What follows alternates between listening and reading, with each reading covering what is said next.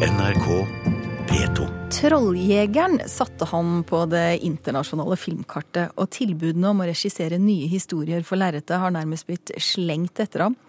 Til vinteren så starter innspillingen av hans første engelskspråklige film, og regissør André Øvredal, du har fått bunker av manus å lese.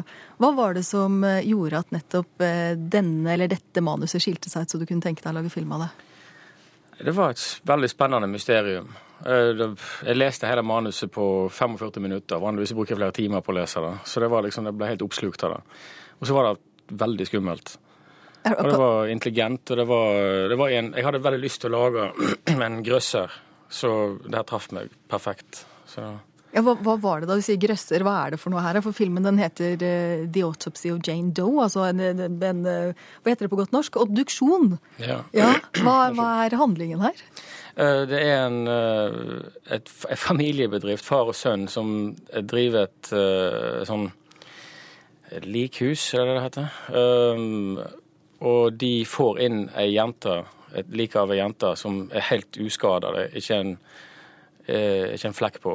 Og de, ingen som skjønner hvor, eh, hva det er som har skjedd med henne. Så de driver og Så filmen dreier seg veldig mye om at de skal grave fram hva det er som skjedde med henne, faktisk fysisk. Gjennom deres Sherlock Holmes-type holdning til obduksjonen, så finner de ut mer og mer. Og det blir skumlere og skumlere.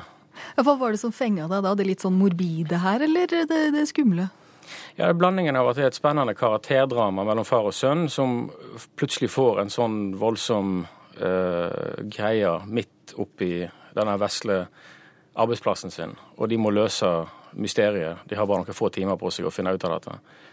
Så det er, det, det er, bare et veldig komplekst menneskelig drama, men med veldig morbide element. Det er det absolutt. Altså det, det er ganske Det er jo en obduksjon, så vi, en del av oppgaven vi som regissør blir å finne rette tonen på akkurat det. At ikke det blir grotesk. Det er rett stemning her, men 'Trolljegeren', som du jo har regissert, der vil man, eller det må man vel kunne si at har et litt sånn, eller er en litt sånn humorspenningsfilm. Vil du bruke noe av de samme humorgrepene i den filmen her, eller, eller passer ikke det? Nei, det er ikke noe særlig humor i denne filmen. Ja, altså, det, er, det er skummelt. Men det er Nei, 'Trolljegeren' er jo en veldig er en familiefilm, egentlig, sånn som jeg ser det. Med skumle troll. Litt skummelt er det, men ikke så veldig skummelt. Og det er mye humor, ja. Mye moro, mye eventyr. Mens det her er jo en skikkelig grøsser. Så det er en helt annen sjanger, egentlig, føler jeg. Ja, For deg da å lage den filmen her, eh, som er i en helt annen sjanger enn 'Trolljegerne', hvordan blir det da? Nei, altså Det er en sjanger jeg føler meg veldig komfortabel i. Jeg har alltid vært veldig glad i grøssere. Hele sjangeren har alltid fascinert meg. Fordi det er, regissørs, eh, det er en regissørs eh, sjanger. Fordi det må fortelles gjennom veldig ofte visuelle, visuelle virkemidler, gjerne lyd. Og det er veldig mye opplevelsen av å være der som, som er det sterke med en grøsser. Uh, mer enn kanskje historien ofte. Det er jo ofte derfor jeg syns mange grøssere kan være ikke så veldig gode, men de kan allikevel være veldig skumle.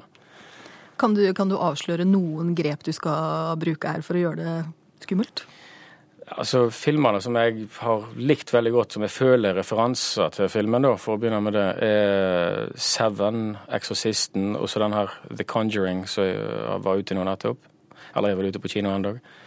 Det syns jeg er veldig bra grøssere som, uh, som bruker denne balansen mellom det groteske og det dramatiske på en veldig voksen og fin måte.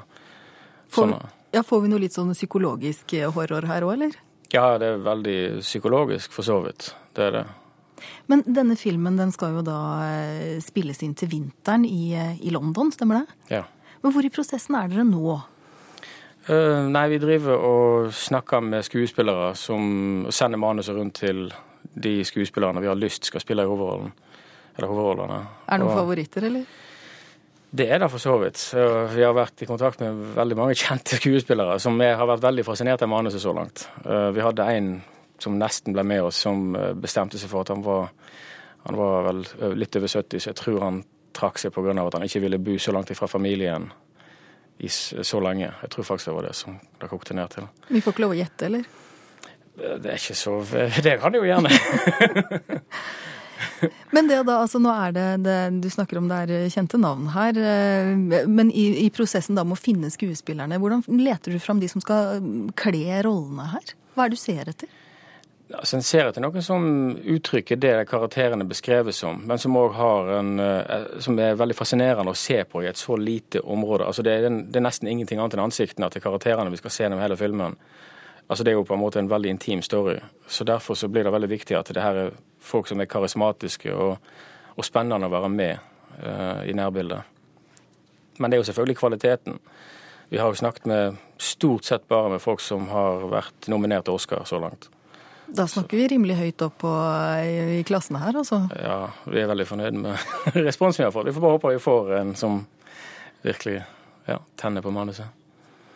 Men når du da sender, eh, sender manuset rundt til disse skuespillerne, vet de hvem du er? Det vet jeg egentlig ikke, for det er ikke jeg som gjør det. Det er i praksis produsenten som gjør det. Produsenten sitt, det er to produksjonsselskap som er involvert, ett i USA og ett i London. Og de, eh, de driver og vekselsender. Men selvfølgelig, de sender jo ofte med en kopi av uh, 'Trolljegeren' for å demonstrere. Ja, for Når du da nevner 'Trolljegeren' igjen, hvilke dører har den filmen egentlig åpna for deg? Altså, Den har jo åpna for så vidt alle de dørene jeg har, har hatt lyst til. Og har hatt muligheten, altså jeg har hatt muligheten til å utnytte enorme Altså ja, ei vidåpen dør inn i Hollywood. Det har jeg. Uh, nå har det seg sånn at Jeg bor jo ikke der borte, og dermed så kan jeg ikke springe uh, att og fram i møte med folk hele tida. Men uh, jeg får jo til stadighet sendt nye manus. Jeg har fortsatt sånn Eller bare denne uka, og så har jeg tre-fire manus liggende som jeg ikke har fått lest ennå. Så det kommer ukentlig nye manus til deg? Ja, fortsatt. Så fortsatt så husker alle der borte trolljegerne, og det er jo veldig imponerende. Du, hva med å flytte til USA, da? Kunne det vært en mulighet for å da ha muligheten til å løpe ned dørene sjøl òg? Nei, jeg har masse altså For det første så har jeg familie og venner her, og så har jeg òg masse prosjekt her som jeg utvikler, som jeg for så vidt vel så interessert i. Men du, bare sånn helt til slutt da, nå er denne filmen under ja, Ikke produksjon er å ta litt hardt i, men under arbeid i hvert fall. Hva med fremover? Ser du for deg flere Hollywood-filmer i samme type sjanger? Det kan jo være. Jeg driver òg med en TV-serie og utvikler den der borte. Og får vi se om den skal gå først i opptak før Jane Doe eller etterpå. Men nå kommer altså Jane Doe like før uh, du setter i gang med alt som er her. Men uh, vi får se hva det kommer av, av folk på rollelista. Takk skal du ha, regissør uh, André Øvredal. Hør flere podkaster på nrk.no podkast.